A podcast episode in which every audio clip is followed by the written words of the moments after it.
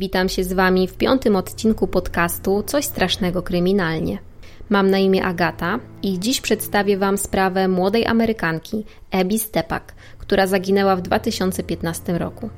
O całej sprawie było zresztą bardzo głośno. Media, nie tylko te lokalne, ale również te ogólnokrajowe, rozpisywały się o całym zajściu i na bieżąco relacjonowały poszukiwania nastolatki. A teraz ja zapraszam Was do wysłuchania jej historii.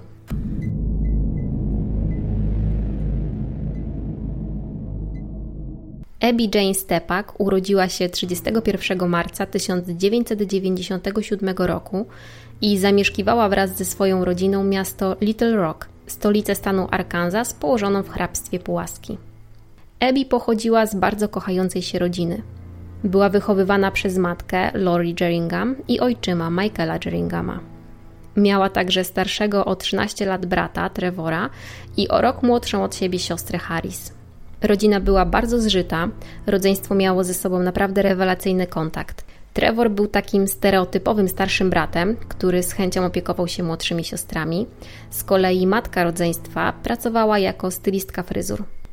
Abby również podzielała tę pasję do dbania o wygląd zewnętrzny, o urodę, z tym, że ona pasjonowała się makijażem i szkoliła swoje umiejętności właśnie w tym zakresie. Abby była bardzo przebojową nastolatką. Określano ją jako temperamentną, ale też sympatyczną i wesołą dziewczynę.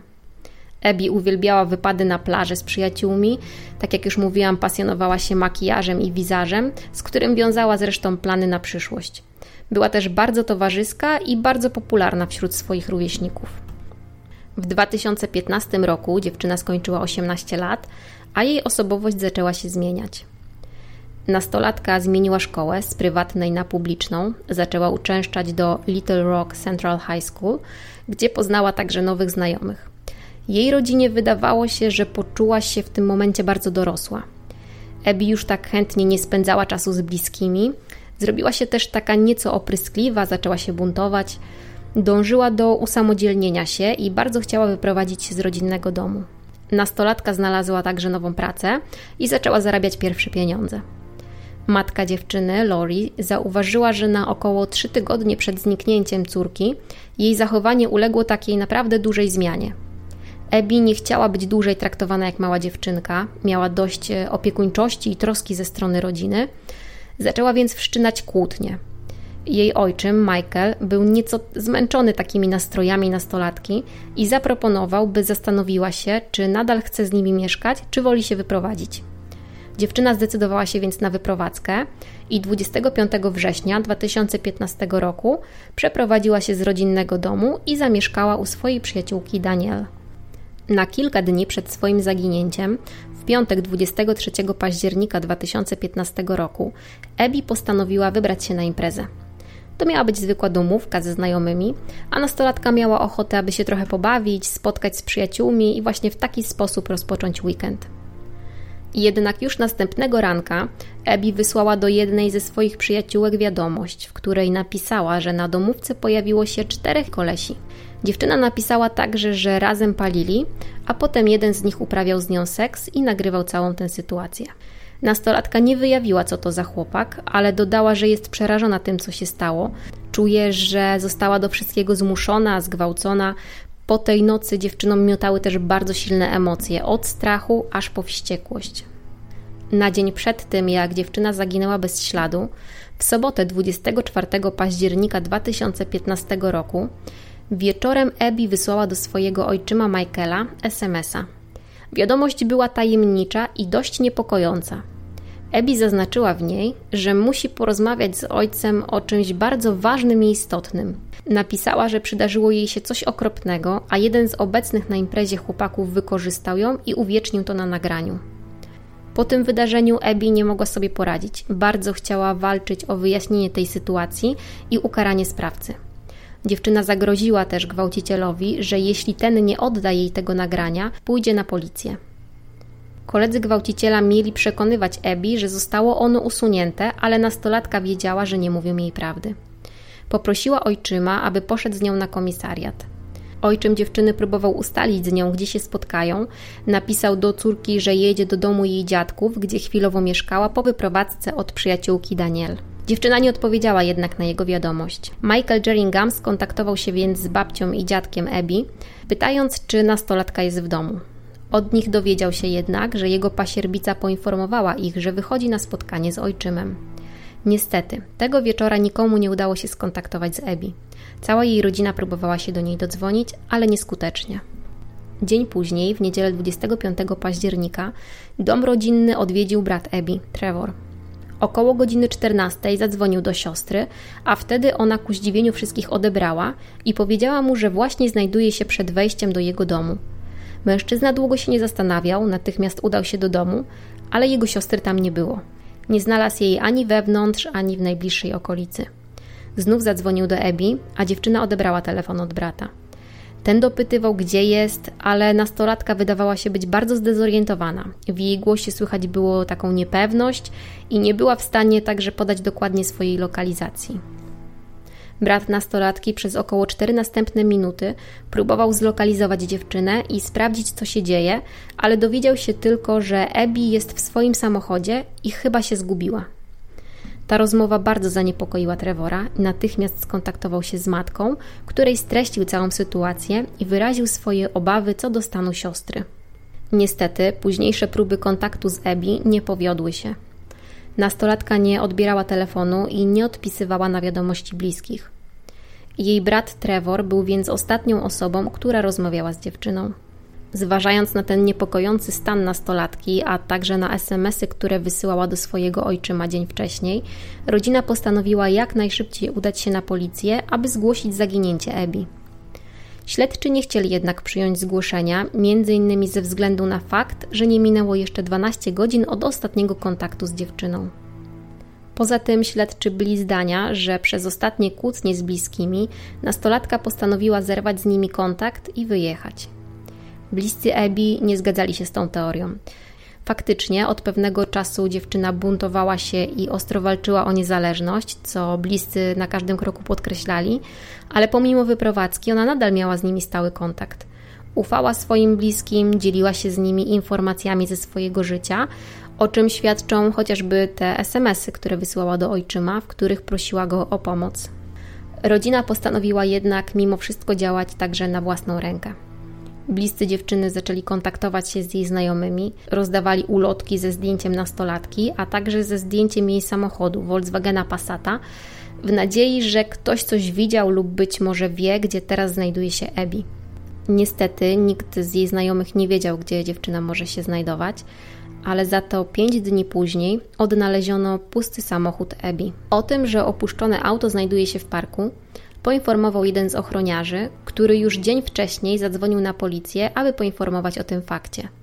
Nikt się jednak tym zgłoszeniem nie przejął, a patrol nawet nie pojawił się na miejscu, pomimo tego, że zgłaszający sprawę mężczyzna czekał na miejscu na funkcjonariuszy około dwóch godzin. Następnego dnia ochroniarz znów robił obchód po parku i zauważył, że nikt nie zainteresował się pozostawionym autem. Mężczyznę zaniepokoiło m.in. to, że w samochodzie leżały porozsypywane kosmetyki i ubrania. Ponownie zadzwonił więc na policję, która tym razem pojawiła się na miejscu i uważnie obejrzała auto. Okazało się, że w stacyjce znajdują się kluczyki, a akumulator jest całkowicie rozładowany. Auto Abby znajdowało się w Chalamont Park, oddalonym od domu rodzinnego dziewczyny o niecałe 5 km. W samochodzie znajdowały się wszystkie rzeczy nastolatki. Wśród nich telefon, portfel oraz zestaw do makijażu, który dodatkowo został nieco zniszczony, a z którym dziewczyna w ogóle się nie rozstawała. We wnętrzu auta znaleziono także jej soczewki kontaktowe, bez których nastolatka praktycznie się nie ruszała z powodu znacznej wady wzroku. Pomimo znalezienia porzuconego w parku samochodu, według bliskich nastolatki policja nie była do końca przekonana, że dziewczynie przydarzyło się coś złego. Według matki Abby, Lori, śledczy do tego stopnia nie chcieli zajmować się tą sprawą, że nie kwapiono się nawet, aby przesłuchać uczestników piątkowej domówki, w której wzięła udział dziewczyna i na której według jej relacji została zgwałcona. Było to tym bardziej niezrozumiałe, biorąc pod uwagę fakt, że dziewczyna mogła zostać skrzywdzona i na dodatek w jednej z wiadomości tekstowych wysyłanych po imprezie do ojczyma podała mu kilka nazwisk osób, które również na tej domówce się bawiły. Według raportu, który powstał w 2017 roku, policjanci mieli przesłuchać czterech mężczyzn biorących udział w domówce i podejrzewanych o napaść na Ebi. Według formalnych informacji śledczy nie przeszukali jednak ich telefonów w poszukiwaniu śladu rzekomego nagrania gwałtu na nastolatce. W końcu policja oraz wolontariusze rozpoczęli przeszukiwania całego terenu parku, ale nie natrafiono na żaden ślad dziewczyny. Śledczy zaczęli zastanawiać się, co mogło stać się z nastolatką. Jedną z hipotez obok tej o planowanej ucieczce było porwanie dziewczyny i zrobienie z niej seksualnej niewolnicy. W grę wchodził także handel ludźmi. Ta wersja była brana pod uwagę głównie dlatego, że wcześniej w jednym ze stanów, w Luizjanie, natrafiono na ślad szajki zajmującej się handlem ludźmi, a część z jej członków miała powiązania z miastem Little Rock, które zamieszkiwała Abby. W międzyczasie na policję zgłosił się świadek, który zeznał, że kilka dni przed zaginięciem widział w parku Abby w towarzystwie dwóch czarnych mężczyzn. Świadek tego zdarzenia podszedł nawet do młodzieży i doradził, aby opuścili już teren parku, ponieważ robi się późno. Cała trójka bez protestów wyszła. Następnego wieczora Abby podobno znów miała pojawić się w parku, tym razem w towarzystwie innego czarnego mężczyzny. Oboje mieli siedzieć na tylnym siedzeniu jej auta. Zrozpaczona rodzina dziewczyny umieściła w miejscu odnalezienia samochodu Ebi duże zdjęcie nastolatki, przy którym natychmiast pojawiło się mnóstwo kwiatów. Matka zaginionej nastolatki złożyła także skargę na policję w Little Rock, ponieważ jej zdaniem już na samym początku śledztwa popełniono rażące błędy. Kobieta uważała również, że policja nie potraktowała tej sprawy poważnie i wcale nie zależało jej na odnalezieniu nastolatki. Rodzina Ebi zarzucała śledczym również niepoprawne zabezpieczenie śladów na miejscu odnalezienia auta nastolatki. Ze względu na napiętą ostatnio sytuację w domu dziewczyny, jednym z podejrzanych w sprawie jej zaginięcia był ojczym Ebi, Michael. Podczas przesłuchania zgodził się jednak na test wykrywaczem kłamstw. Jego wynik wykluczył Michaela z kręgu podejrzanych. Rodzina nastolatki otrzymywała również niepokojące telefony z nieznanych numerów. Rozmówcy albo informowali, że Ebi jest jedną z ofiar handlu ludźmi, albo żądali od rodziny wysokiego okupu, twierdząc, że inaczej dziewczyna trafi do jednego z zagranicznych domów publicznych. Wszystkie te telefony okazywały się jednak makabrycznymi żartami lub próbami wyłudzenia pieniędzy od zrozpaczonych bliskich. Przez blisko dwa lata sprawą zaginięcia Ebi Stepak zajmowała się Halos Investigation – organizacja, której celem jest pomoc w odnajdywaniu zaginionych dzieci, a także przeciwdziałanie przemocy i handlu ludźmi. Rodzina dziewczyny wyznaczyła także nagrodę w wysokości 50 tysięcy dolarów za informację o tym, gdzie znajduje się Ebi. W 2018 roku sprawą Ebi zajął się emerytowany śledczy Tommy Hudson, który bardzo zaangażował się w poszukiwania dziewczyny. Dzięki determinacji policjanta, a także działaniom rodziny Ebi, sprawa zyskała ogólnokrajowy rozgłos. Policjant od początku był zdania, że coś pominięto lub przeoczono. Zarządził ponowne, tym razem bardzo dokładne przeszukiwanie parku, nie wyłączając z poszukiwań systemu rur drenażowych znajdujących się w tej okolicy. Rury przeszukiwano za pomocą specjalnych, wpuszczanych do środka kamer. I to właśnie to przeszukanie dało odpowiedź na wciąż powtarzane przez bliskich pytania. Niestety, odpowiedź również nie przyniosła im ulgi. Ebi była poszukiwana przez niecałe trzy lata. Jej szczątki odnaleziono 22 maja 2018 roku, niecałe 20 metrów obok porzuconego samochodu należącego do dziewczyny. Podczas przeszukiwania rur natrafiono na przeszkodę. Śledczy wykopali interesujący ich fragment – jak się okazało, znajdował się tam szkielet poszukiwanej nastolatki. Szczątki Ebi znajdowały się w trudno dostępnym miejscu, a przez obfite deszcze jej ciało zostało zepchnięte niemal na sam dół rury. Jej śmierć została także zakwalifikowana jako zabójstwo. Śledczy od razu odrzucili bowiem teorię o samobójstwie, ponieważ otwór rury, w którym znajdowało się ciało dziewczyny, był dość trudno dostępny i nastolatka z pewnością miałaby kłopoty, aby się tam wślizgnąć. Poza tym uznano, że w ten sposób sprawca ewidentnie chciał pozbyć się ciała i zatuszować to, co zrobił. Detektyw powtórnie badający sprawę Ebi kategorycznie wykluczył także, że udział w tej zbrodni mógł mieć ktokolwiek z rodziny nastolatki. Niestety to póki co wszystkie ujawnione informacje na temat tej sprawy. Nadal nie schwytano osoby lub osób, które stoją za zabójstwem Ebi.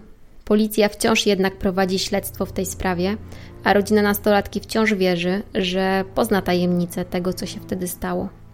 To jednak nie koniec nieszczęść, jakie spadły na rodzinę Ebi Stepak. W kwietniu 2019 roku na atak serca zmarł jej 35-letni brat, Trevor Rossi. Mężczyzna osierocił swojego synka, Haydena. I to już wszystko, co dla Was dzisiaj przygotowałam.